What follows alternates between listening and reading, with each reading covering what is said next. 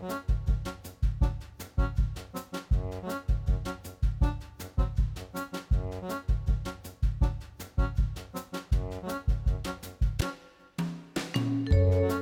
og sæl og velkomin í mannlega þáttinn. Í dag er þriðjudagur og það er 31. janúar. Já, bara janúar að klárast Já, og 1. februar á morgun. En 31. janúar 1881 þá fauk kirkjan á núpi í dýrafyrði á haf út í ofviðri. Hún var nýbyggð og vönduð og vönduð, punktur. já, já, uh, þetta er ríkalegt, þetta er svakalegt rók ef, ef hún var einmitt vönduð. Já, Þá hefur bara þurft mikið til að feikin út á haf. bara heil, heil kirkja út á hafi. Já, Ótrúlegt. Fyrstu útvarpssendingar í tilraunaskinni á Íslandi fóru fram uh, þegar HF útvarp hóf útsendingar á þessum degi árið 1926. Svo var það flugvilin Glitfaxi sem fórst með 20 manns innan borðs út af Vastleysuströnd í aðflugi til Reykjavíkur. Þetta var árið 1951 og flugvilin var að koma frá Vestmannegjum. Svo er á þessum degi árið 2016 sem að barnalánið svo kallað var á gjaldaga en barnalánið voru tvö kúlulán sem að ríkistjórnin uh, tók upp á 15 miljónir stellingspunta árið 1981 og aðrar 15 miljónir árið 1983, alls 30 miljónir punta. Lánið hafði gjaldaga þann 31. janúar árið 2016 og hefur verið kallað barnalánið því að ljóst var að það eruðu börn þeirra sem að tóku lánið sem greituðu upp. Já. Nú en að efni þáttanins í dag. Já, Elín Björk Jónasdóttir veðurfræðingur, hún kemur aðeins fyrr í þáttinn í veðurspjallið í dag. Það er sem sagt búið að vera auðvitað mikið veður uh, á landinu undanfarin sólaring, talsvert búið að ganga yfir og, og það verður ekki vegi að ræða það við hann og lægðamyndun og jafnvel eitthvað fleira sem sagt með Elínu Björk Jónasdóttur veðurfræðingi. Já. Uh, Vitafélagið er félag sem stendur vörð um strandmenningu á Íslandi og það, er, uh, það eru alltaf annarslægi fyrirlestrar á vegum félagsins. Annað kvöld munu nokkur koma fram og tala á svona kvöldi og þannig verið, já, þetta er svona speil fortíðar getur við sagt.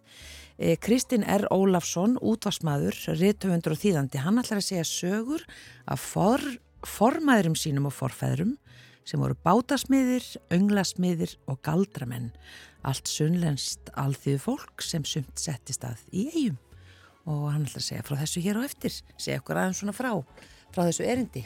Svo er það spurningin hvað veldur minkandi fæðingatíðni á Íslandi. Sunna Kristín Símonardóttir, nýdoktor í félagsfræði, hún ætlar að koma til okkar í dag en hún er meðal stjórnenda verkefnis þar sem að hópur fræðafólks uh, við Háskóli Íslands þvert á fræðigreinar uh, leitast við að svara þessari spurningu og rannsaka lækkun fæðingatíðni hér á landi. Sunna Kristín, hún sem sagt uh, segir okkur meira frá þessu síðar í þettinum. En við byrjum á Helinu Eyjóls og hljónsveit Ingimas Eital. Hér er það lagið um hana Marju Ísabel. Er Erlend en Ásta Siguradóttir samti tekstan. Að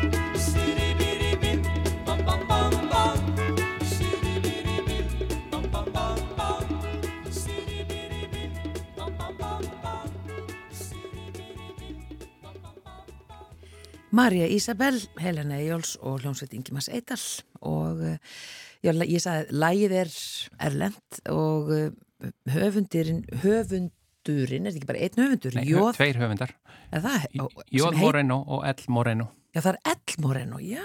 Já, Þetta er uh, eitthvað innan fjölskyldunar. já annarkort bræður Hjón. eða systur eða hjón eða Mm. eitthvað. Svona, getum, við þurfum að kannski fara í rannsókn að Nei, vinna það er bara öruglega einhver hlustandi sem veit sem þetta, sem er sendt okkur línu, sem er afskaplega skemmtilegt. Já. En hingað er komin Elin Björk Jónasdóttir viðfræðingur, velkomin. Takk fyrir. Það nú er það bara auðvitað búið að vera enn eitt veðrið sem að hefur skollið á okkur núna undanfarin sólarheng. Mm -hmm. Er þetta, skildi ég þið rétt að þetta var eitthvað kannski minna en þið byggust við eða hvað?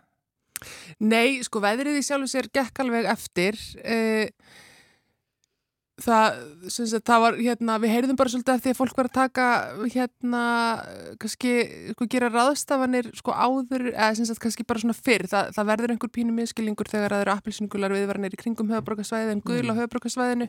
Þannig að við fengum svolítið um símtölum svona, sko, eins og við værum að spá bara alltaf því rauðu, sko, hérna, Já, gengur strætó í dag og, og hérna fellir ekki bara allt niður og það eru ekki aflýsa skólum og eitthvað Mhm. svona.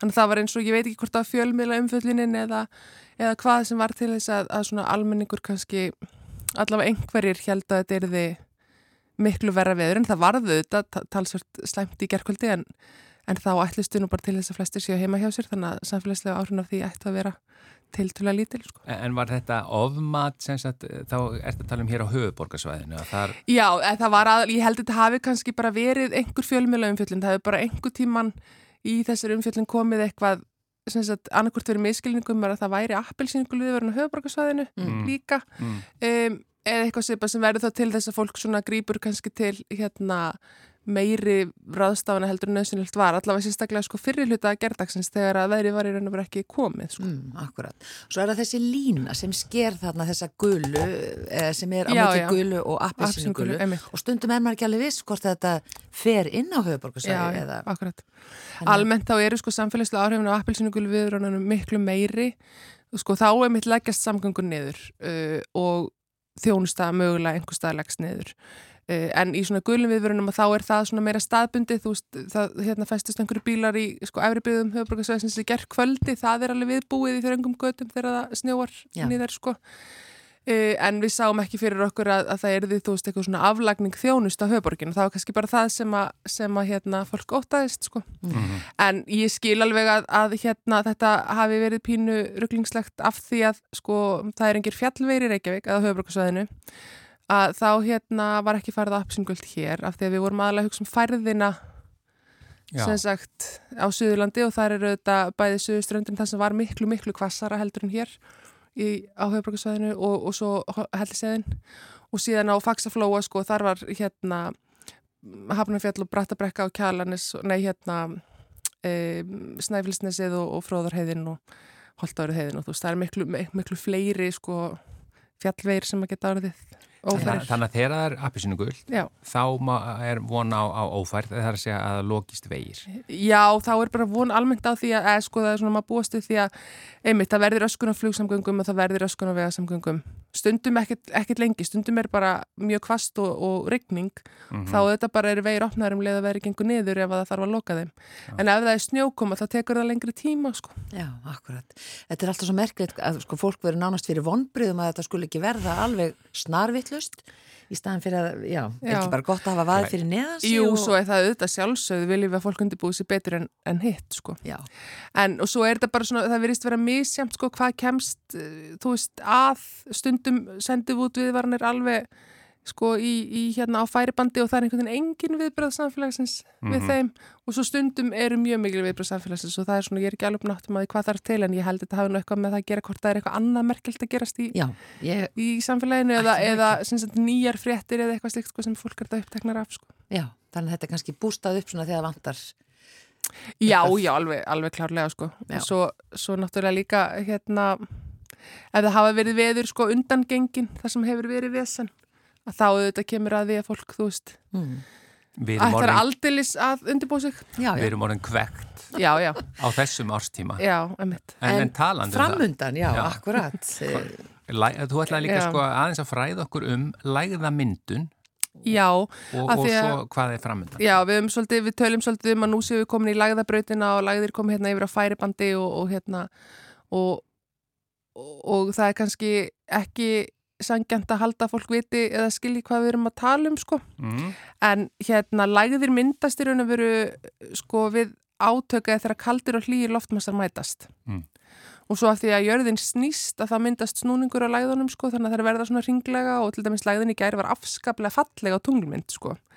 Um, að, að sagt, á þessum átökum hérna kalda og hlýja, hlýja loftmassans að þá hérna myndast í raun og veru snúningur og læðin myndast og vindur snýst sem sagt rángsælis um, um miðjurlægða á norðurkvöli. Er þú þá á veðustofunni að horfa á svona einhver gerfiðnætta myndir og sér, oh, þetta er glæsileg Já, já, við, við erum alveg með topp tíulista yfir fallegustu lægður ársins sko. og hérna, en sem það sem að gerist alltaf á þessum árstíma, svona um það bil frá því að, frá því svona kannski miðjan janúar og fram yfir, sko, fram yfir miðjan februar er að sem sagt, dimmasti tíminn á norður pólnum í raun og veru norðurkvelinu er, er að klárast, þú veist, sólinn er farin að, að hérna rýsa fyrr og, og það er að verða alltaf hérna, sem sagt, hún nær alltaf lengra og lengra norður. Og þá trublar hún þessa svona ringra sem að er á pólnum á, á, bara á veturna þegar er ekkert sólskinn að þá er bara kallt loft sem sapnast fyrir á norðurpólnum og þar í kring og bara færa vera þar í friði af því það er ekkert sem að hitar það það er engin sól, það er bara ís og snjór og þurft og það er ekkert sem að sagt, er, er eitthvað að raska því jafnvægi sko.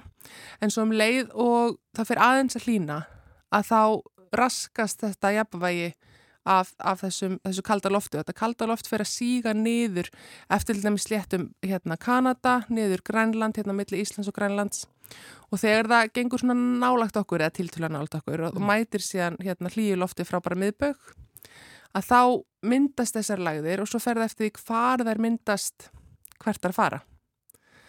Uh, í desember og janúar í kuldatíðinni þá, þá vorum við bara undir svona, svona heimskutalofti og þá bara fekk það að vera í friði, var opáslega hérna kallt og, og þungt og lagðirnar mynduðist bara langt söður af okkur og fóru bara yfir sko Íberíuskagan eða, eða hérna Breitlandsegjar eitthvað slikt, Ég meina, það voru hérna fréttir að bara lagðagangi yfir, yfir Kanaríegjar sko. Mhm. og hérna og núna hefur það sem sagt loft hörfað þannig að við erum aftur komin svona miklu nær þessu eða sem sagt lagða myndunum svæðið er nær okkur.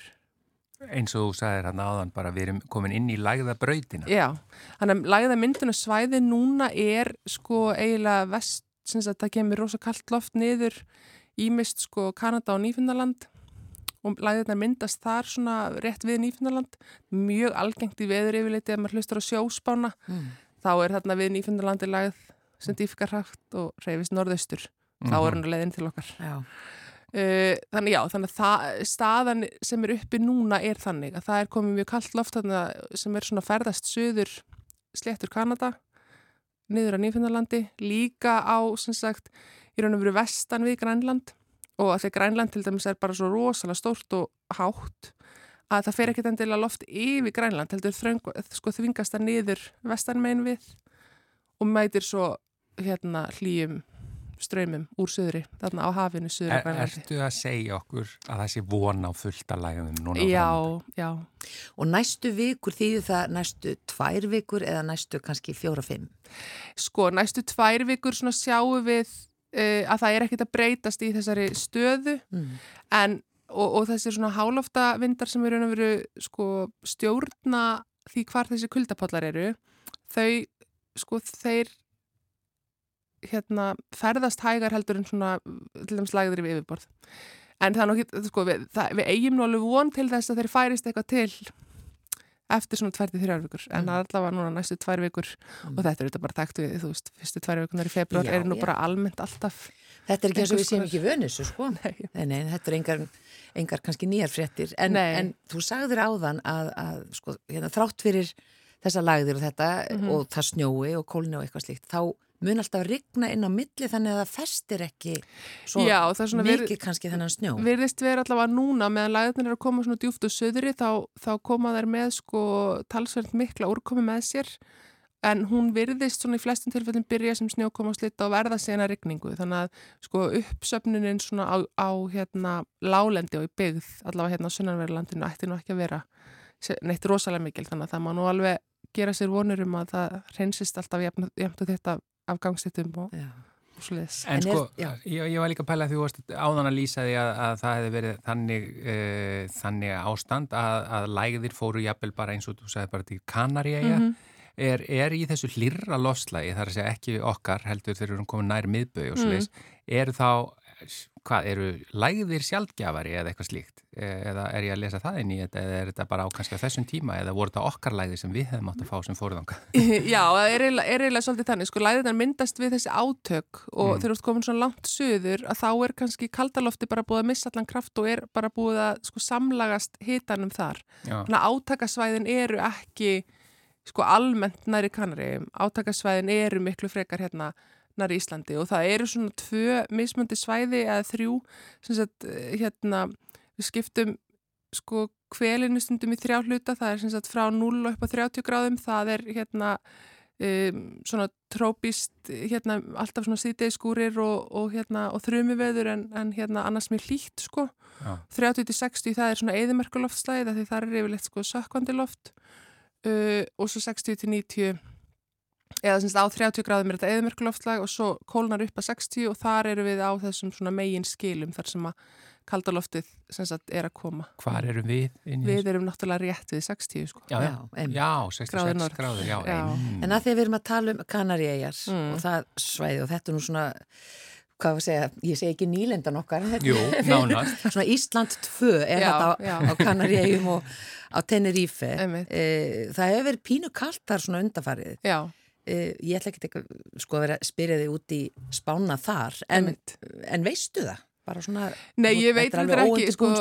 Já, ég veit reyndar ekki, sko, ég hef ekkert skoða spár fyrir, fyrir þann hérna heimsluta ný, nýskeið, en ég veit það bara þegar við vorum í kaldaloftinu þá Já. í raun og veru færðist jaður en af þessu átakasvæði miklu sunnar heldur en í raun og veru í eðlilegu árferði, þannig að þau fengu líka svona óvinnrætt veður alveg eins og við, sko. Hálfúlt fyrir Íslendinga að fara til Kanari og, og, fá bara íslensku lægðin og þanga. Það voru allar svona 15 gráðum hlýri, sko, þannig að það var, Ó, já, það var já. ekki snjókoma. já, já. En, en, en núna eru við komin í þetta eðlilega veður okkar lagðagang og, og svo leiðist þannig að Já. já, nú vona því að það sé tiltula normal veður á Kanaríum. Já, maður segir þetta bara því að það eru svo margir að fara þangað. Já, Já. Það er þannig. örglega fullt af hlustendum sem að eru þar að hlusta, myndi ég halda. já, já. Já. En hérna, þannig að það er framundan áhugavert. lægðir. uh, fullt af Framöndan lægðum, lægðir, já. rigning og skemmtilegheitum og þá bara reynir á að gera eitthvað skemmtilegt innan dýra Já, svona að mestu. og nýta þessa litlu glugga sem koma, Já. sko, ef þú, eh, sem sagt, ef fólk er rægt að fara út í, í veðrónum sem er skiljanlegt, að nýta þá bara stöttu gluggana sem að koma. Það er nú sjaldan þannig að þær séu það þjættar að það myndist aldrei tækifæri til þess að aðeins að komast út, sko. Góð rekkópa, góð úlpa, góði skór, Mannbrotar. mannbrottar, akkurat. Elin Björk, Jónasdóttir, þakka þér fyrir komina í mannlega þáttin. round like a circle in a spiral, like a wheel within a wheel, never ending or beginning on an ever spinning reel, like a snowball down a mountain or a carnival like a carousel that's turning, running rings around the moon.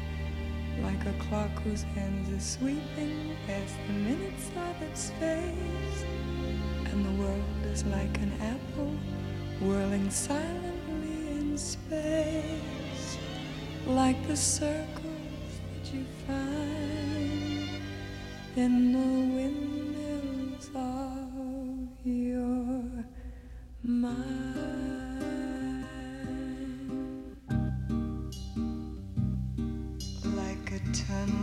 you follow to a tunnel of its own, down a hollow to a cavern where the sun has never shone, like a door that keeps revolving in a half-forgotten dream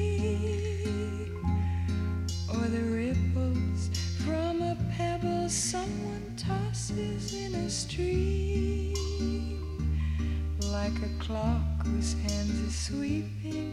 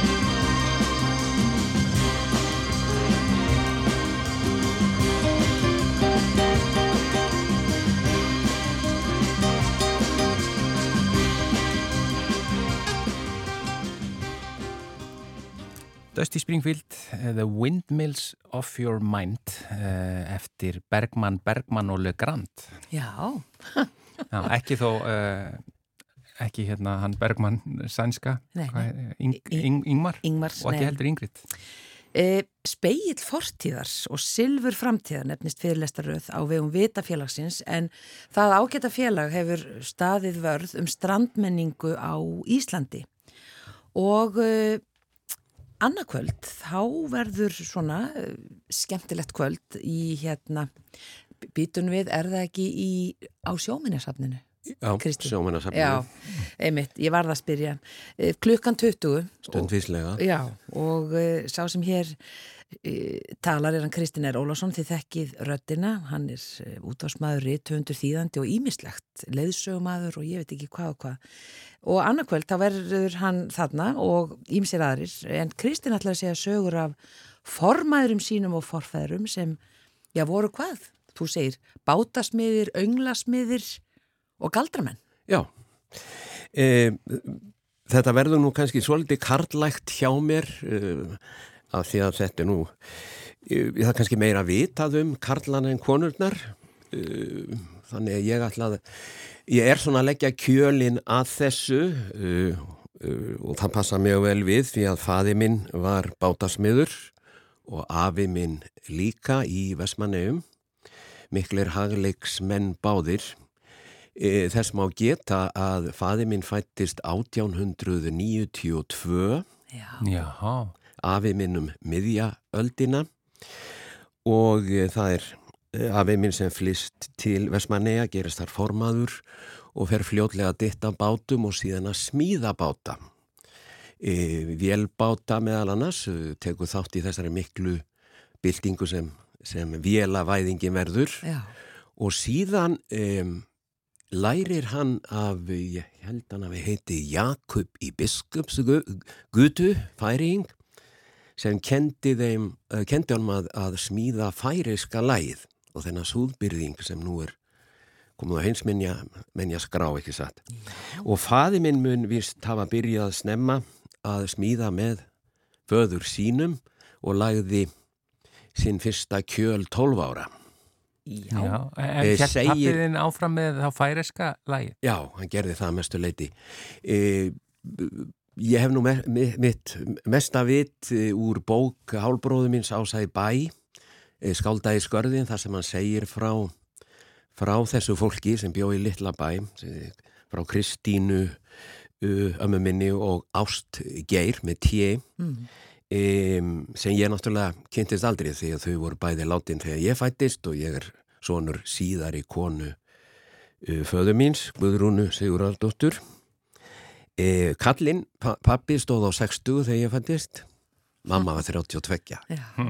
þannig að, að þess vegna stekk ég stekk ég aftur á 19. öld en sem sagt um, ég man eftir pappa uh, heima að smíða í skúrnum bak við Brimberg í Vestmanniðum, þar sem ég fættist um, þá er hann náttúrulega orðin aldrað því ég man eftir honum, hann er um sjötugt en ég var stundum að halda við hjá honum. Já. þegar hann var að hnóða saum í byrðing. Og ég man eftir honum hann lagði bara kjölinn. Enga tekningar allt eftir glöggu smiðis auganu er og þeir tóku saman e, þegar hann var 65 ára hvað hann væri búin að smíða marga báta á æfinni þeim taldist til að þeir væri á minnstakosti 400 Vá. en þetta var náttúrulega að hafa í huga að e, e, margir þessara báta voru skjöktbátar litlar, litlar skeljar sem voru notaði til þess að róa út í bátana sem lágu út á Já, já, já. og hann verðist hafa verið snöggur að því. Hann smíðaði meðal annars líka e, kappróðra bátana í Vestmanniðum sem síðan, og ég ætla nú að skamma eigamenn, held ég að hafi lent í, í þjóðatíðabrennu. Hvað er þetta að Nei. segja? Já, Uss. það voru gerður einhverja plast hérna svona e, endurlíkingar Já. en ég man líka eftir, því, eftir honum að, að ditta að þeim þannig að, að hérna uh, og um, eins og ég segi hann, hann deyr síðan þegar ég er aðeins 13 ára, mér vantar mánuði í fermingu þegar hann deyr en í uppljómuðu húsinu umkringdur vinum sínum Já. Já. ekki með einhverjar slöngur og annað heldur þetta um, saði mér einmitt Örd Bjarnason hafði, sem var hér að slæknir í eigum á sinni tíma, ég, ég fórum eitthvað að tala um þetta. Já, hann dónu bara umkringdur vinum sínum í uppljómaðu húsinu. En, en frá þessum litlu bátum og svo kappróðabátunir, en hvað voru svona það stærsta sem hann var að... Ég þorði nú ekki að fara með það. Vinu minn Marin og Sigursteinsson, pípulækningamistari í eigum, e, e, hann e, var á eftir bát, eftir pappa sem var til á vopnafyrði í einn 20 ár og hann náði að fá bátinn loksins í fyrra. Og hann er sem sagt jafnaldri minn og jafnaldri okkar Marinos, smíðað á 1952. Þannig að ég ætla að tala um þetta og ég ætla að tala um svo, eh, svona það sem ég veit eh, um þessa forfeðu mér og for, formæður og fer kannski aftur til eh, 1783 Já. þegar Páll Nikolásson og Guðrún Þorsteinsdóttir flýja skaftárelda. Mm. Uh, það er svolítið æfintýraferð og eh, svaðil för yfir Mýrdalsan, ég ímynda mér það er að fara yfir Mýrdalsan, brjótast yfir jökulárnar og enda á því að brjótast yfir markarfljót í oktober þetta ár í suðaustan rigningu og dimmu og ganga fram á fjárhús. Já. Og fara þar inn er með börn með- sér, það er drengur sem er á öðru ári, augmundur, sem ég er komin af í beinan karlegg. Já, já, já. Um, um, Lögðu þið hann í jötu það? Þau lögðu það á jötu Nú, já, já. en síðan fer hann út uh, Páll og þá er meirinn horfin hann fer út í sortana gáðin og finnur hana við annað, eh, annað kotið, annað hús sem er þá sel. Og þar inn er svona eh, innst kamelsinn okkur svona herbergi með, með rúmum og rúmfötum. Og þau, þau búa um sig þar. Svo komast þau að því að þetta er eign pressins á breyðabólstað og hann, hann sem satt Páll gerir svona fjár fjárhyrðir fyrir. Og upp hjá þeim ólst síðan sonur augmundar augmundur augmundsson sem er galdramaðurinn Hanna kom galdramæðurinn. Þarna kom galdramaður, fættur 1803 deyr 1890, hann lifir alla 19. öldina Hva, hvað slags galdra var hann? Hann, eh, hann kunni eitthvað fyrir sér, ég var einu sin- einu sinna að monta mig að því að ég væri nú eiginlega hérna undan landegjum við Þórð á skóum, þá hallar hann sér að, að, svona að sér og se- seg, að mér og segir, kantu þá ekki eitthvað fyrir þér?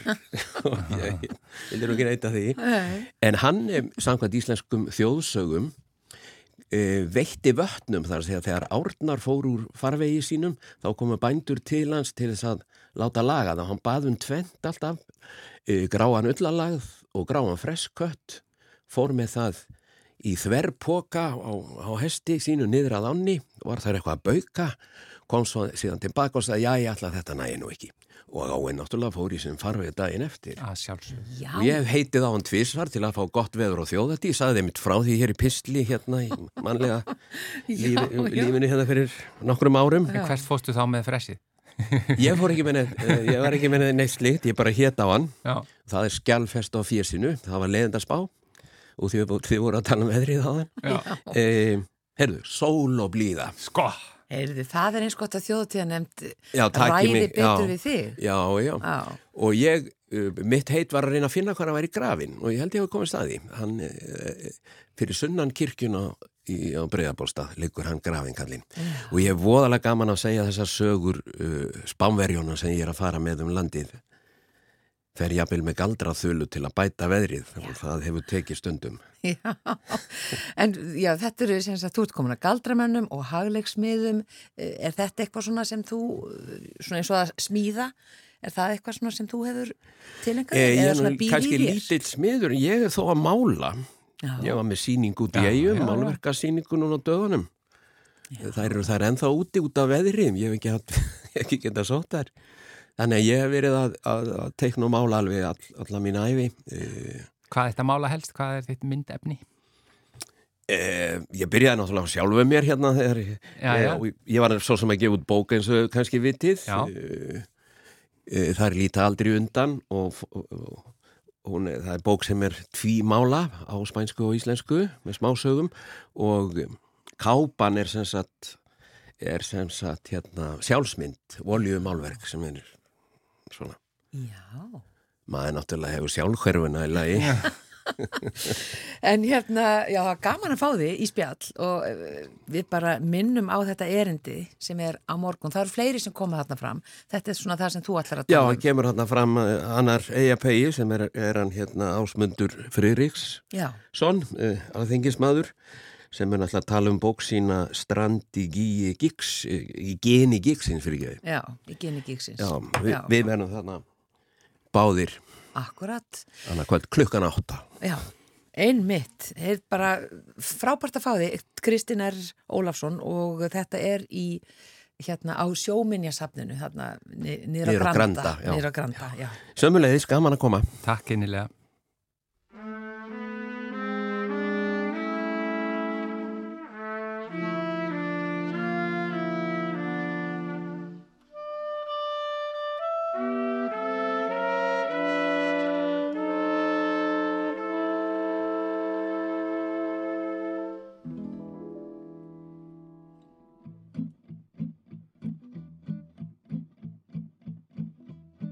Me for a good time, learn my number, not my name. I'm not ready. She's not ready.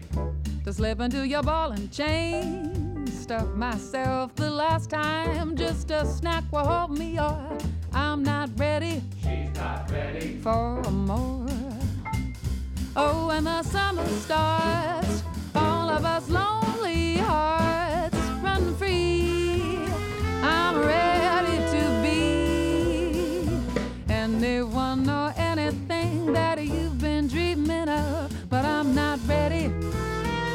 for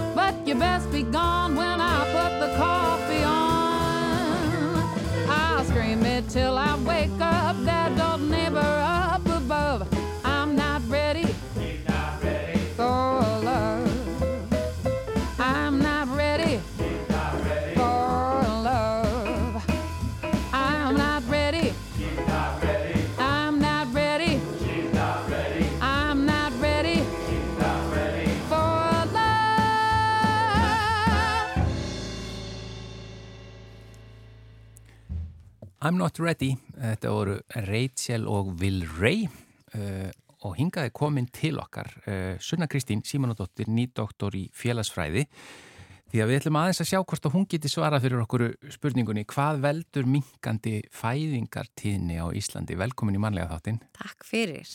Þú ert svona uh, ein meðal stjórnenda verkefnisins sem að er að rannsaka akkurat þessa spurningu þegar ekki. Heldur betur. Við erum í raun og veru stór hópur rannsakanda. Við erum fjögur sem stýrum verkefninu og, og það fór að stað fyrir ári síðan þegar við fengum mjög veglegan styrk, frá rannsóknarsjóði Íslands og við erum að skoða í raun og veru þessa þróun sem er eiga sér að stað á Íslandi akkurat núna þar að segja uh, þessi lækandi fæðingatíni.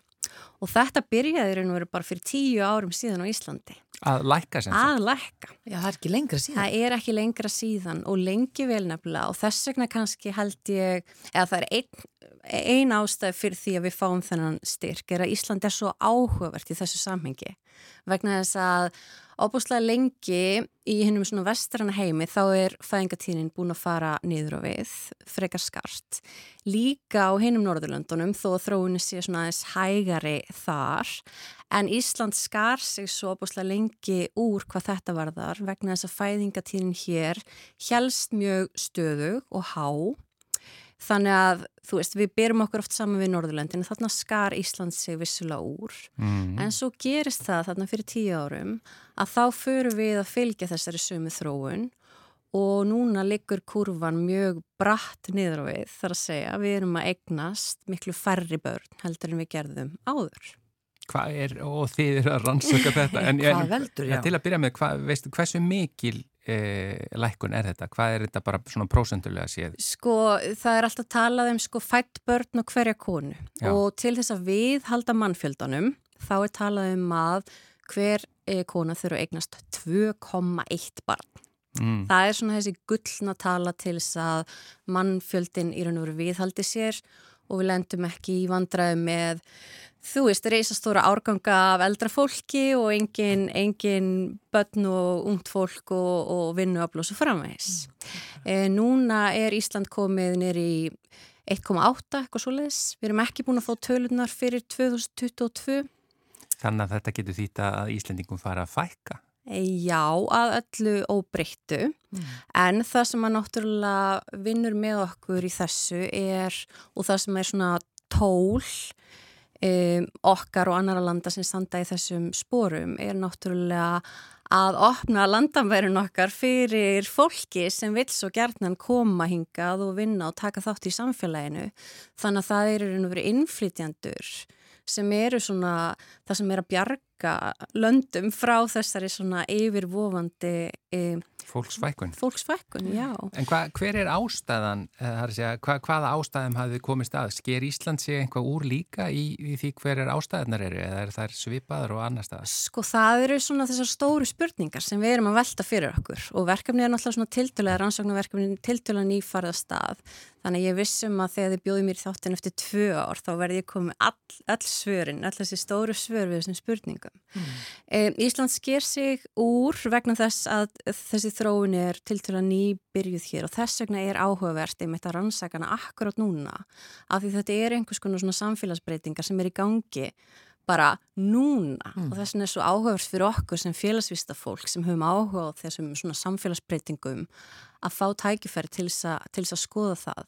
Sko lengi vel þá var Ísland e, þá, þá voru við á Íslandi sérst að eignast börnin til til að snemma þannig að aldur móður þær, þær voru yngri en annar staðar og við vorum eignast fleiri börn En það sem við sjáum núna gerast er það að, að fólk er að eignast börn síðar, ekki satt, eignast færri börn og svo eru fleiri uh, mögulega og það er svona tilgáta sem ég finnst sennileg að fleiri að velja hreinlega bara barnleysi, Já. að vilja ekki eignast börn, taka meðvitað ákvörnum það eignast ekki börn. Mm. En er svona einhverja vísmendingar hvað liggur að baki þeirri ákvörðun að vilja ekki eignast börn og velja það? Er það, uh, ég veit ekki, hræðsla eða, uh, ég veit ekki, kvíði? Sko þetta er, þetta er eitthvað sem ég get sagt ykkur heilmikið um vegna þess að ég er einmitt búin að vera að gera rannsókn á, á nákvæmlega þessu. Sest, frekar yfirgrift mikla viðtalsrannsókn þar sem ég var að ræða við einstaklinga sem hafa tekið meðvita ákvörnum að eignast ekki börn. Og þannig er við, þú veist, ég var að taka það fram að við erum ekki að tala um þetta fólk sem lendir í einhverjum frjósemis vanda, þú veist, heldur þetta er þessi meðvita ákvörðun sem að einkennir þennan hóp fólks. Um, og, og sko ástæðnar eru, eru fjölb breyttar og fjölbreytilegar en það sem ég myndi segja svona þema sem rennir í gegnum alla frásagnunar er bara hreinlega að löngunin í börn kom aldrei, þú veist. Og þetta, og, og, og þetta fólk hefur margt og sérstaklega konurnar upplifað óbúslega kannski svona fjandsamleg viðbröð frá samfélaginu, frá ættingum, Já. vinum við þessari ákvörðun Mm. þannig að þau upplifa mörg hver að, að þetta sé ekki svona ákvörðun og svona raunverulegt valfrelsi sem er búin virðing fyrir í samfélaginu eins og við ættum auðvitað bara þú veist, Að að, sjálfsögðu að Já, gera já. Já. Þannig að það er eitt að, að það eru fleiri sem að í rauninni taka þessa ákvörðun en svo er viðhorfið samt að því að ég hugsaði allir viðhorfið sé að breytast eða allir þessi orðið e, í rauninni jákvæðara fyrir þessari ákvörðun Mhm. en það verðist þá ekki vera. Ég held að það sé að breytast og sá, ég sá alveg svona mun á kannski yngra fólkinu og eldra fólkinu sem ég talaði við að þeir sem eru eldri þeir kannski upplifðu meiri fjandsamlega viðbrögð á meðan þessir yngri minni, allir hafa samt upplifað einhver fjandsamlega viðbröð, skilur Mm. og svona þessi, þessi pælinga þurfa alltaf að vera réttlæta Já. skiljiði og, og, og þá segja þau sko hérna, það lappar enginn upp að einhverjum í fermingavislu og segir hérna já og þú ert bara bann á leiðinni og af hverju og Já. ertu nú viss og þetta og hitt en þetta fólk sem velur barnleysi það er svo sannarlega alltaf einhvern veginn að vera útskýra, réttlæta til þess að svona já, friða einhvern veginn samborgara sína, skiljiði. Mm, þannig að þetta er, þetta, það var áhugavert að, að gera þessi viðtölu og opasla margt sem kemur fram líka bara um svona hvernig þau upplifa hreinlega fóreldrahlutverkið ekki sem mjög svona spennandi hlutverk. Og þetta átti kannski sérstaklega við um konurnar. Þeim fast móðurhlutverkið það sem þær sá í kringum sig hjá ættingum og vinum og, og, og fólkinni kringum sig þá fannst þið móðurhlutverkið einhvern veginn einkennast af endalisum fórnum að þurfa alltaf að vera fórna sjálfur í þér að þurfa einhvern veginn að, að snýða alltaf barninu þú veist í staðin fyrir að geta einhvern veginn komur að segja kannski fókusera bara hreinlega aðra hluti í lífinu og þá ekkert endilega bara starfsframa heldur líka bara frelsi þú veist til þess að geta að að haga sér eins og maður vill og þú veist Þannig að bara móðurhluturki var hamlandi í þeirra augum. Já, algjörlega og viðmælandi mínir upplifu líka opaslega svona komur að segja tvíbent skilabóð til mæðra þú veist við búum í svona samfélagi sem að e, talar opaslega mikið um það sérstaklega tillitugum að hér ríki algjörst jafnbrétti þið veitir feminist land og svo framvegs en þær upplifðu ekki þetta jafnbrétti í þeim svona fóreldra og parasambundum sem þær voru að sjá í sínu umhverfi. Þannig að það er líka einhver svona já, andstað við að láta íta sér inn í eitthvað svona mót eins og þær upplifa móðurhlutverkið oft vera svona þvingandi mót Já, og svo er hann bara kannski staða margra eh, svona barnafjölskyldna í dag að, að, hérna, að það er ekki auðvelt heldur betur í þessu samfélagi okkar. einmitt og það er einmitt einn ángi af rannsóknarverkefnin okkar er að skoða sérstaklega svona stefnumótun og hvernig svona hvernig já, kerfin okkar koma til móts við barnafjölskyldur og hvort að þessi kerfi sem við höfum smíðað til þess að styðja við uh, börn og fóreldra þeirra séu einhvern hátt að komur að segja, hvort þau virki sem svona hindrun eða kvati fyrir fólk til þess að eignast börn. Þannig að, þannig að það, það verður gaman að segja ykkur frá því þegar við erum búin að vinna þann þátt rannsóknarinnar. Fannstu, fegstu einhver viðbröð sem að snýru að til dæmis eins og loftslagsvanni eða, eða kvíða fyrir því hvert, hvert heimurinn er að þróast að þannhátt? Einmitt, það er eitthvað sem við höfum svolítið verið að sjá í erlendum rannsóknum sem ástæðu fyrir því af hverju fólk sé að velja barnleysi. Um, það var áhugavert að hjá mínum viðmælendum þá vildi enginn viðkenna að það væri ástæða fyrir því að hann eða hún vildi ekki eigna spönn. Mm. En þau sögðu öll, en það gæti verið hjá hinnum, skiljur, það gæti verið hjá einhverjum öðrum. Já, ekki hjá þeim. Ekki hjá þeim.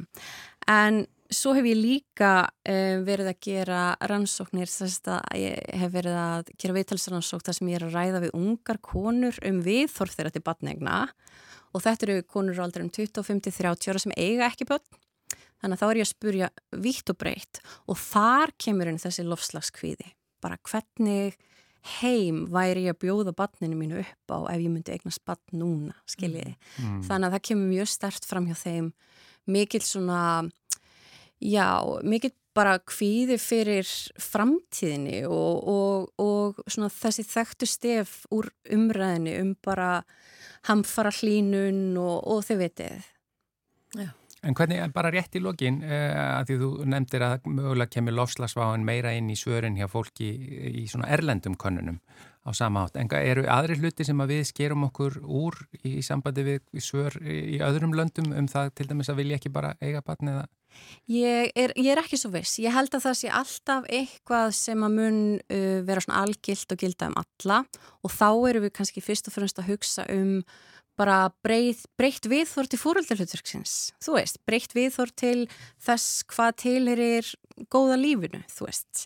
Og það er eitthvað sem að fer þvert á landamæri og við sjáum þú veist, í, í, í e, svona fjölþjóðlegum rannsóknum. Mm -hmm. en svo eru við kannski með eitthvað svona Íslands samhengi sem við meðum samt ekki missa sjónar á.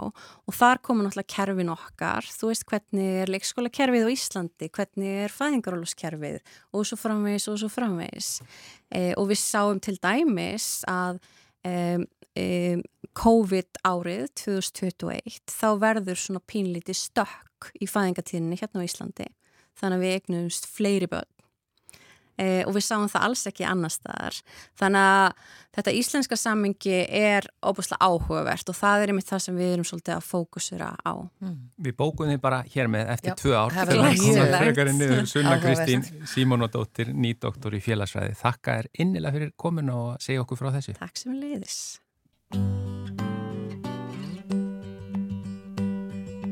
Blackbird singing in the dead of night. Take these broken wings and learn to fly All your life.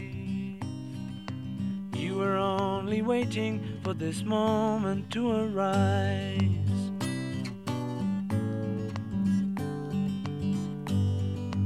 Blackbird singing in the dead of night. Take these sunken eyes and learn to see all your life. You were only waiting for this moment to be free. Blackbird fly. Blackbird a dark black night.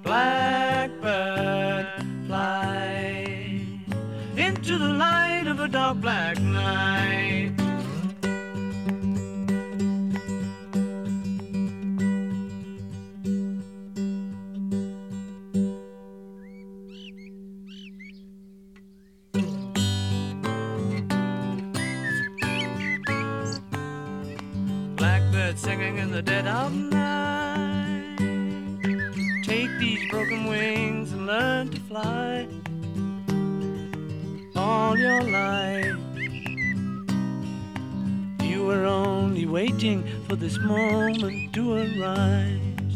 You were only waiting for this moment to arise. You were only waiting for this moment to arise. Þetta er fallegt. Þetta eru bílarnir Blackbird, uh, Paul McCartney, þarna náttúrulega fremstur í flokki.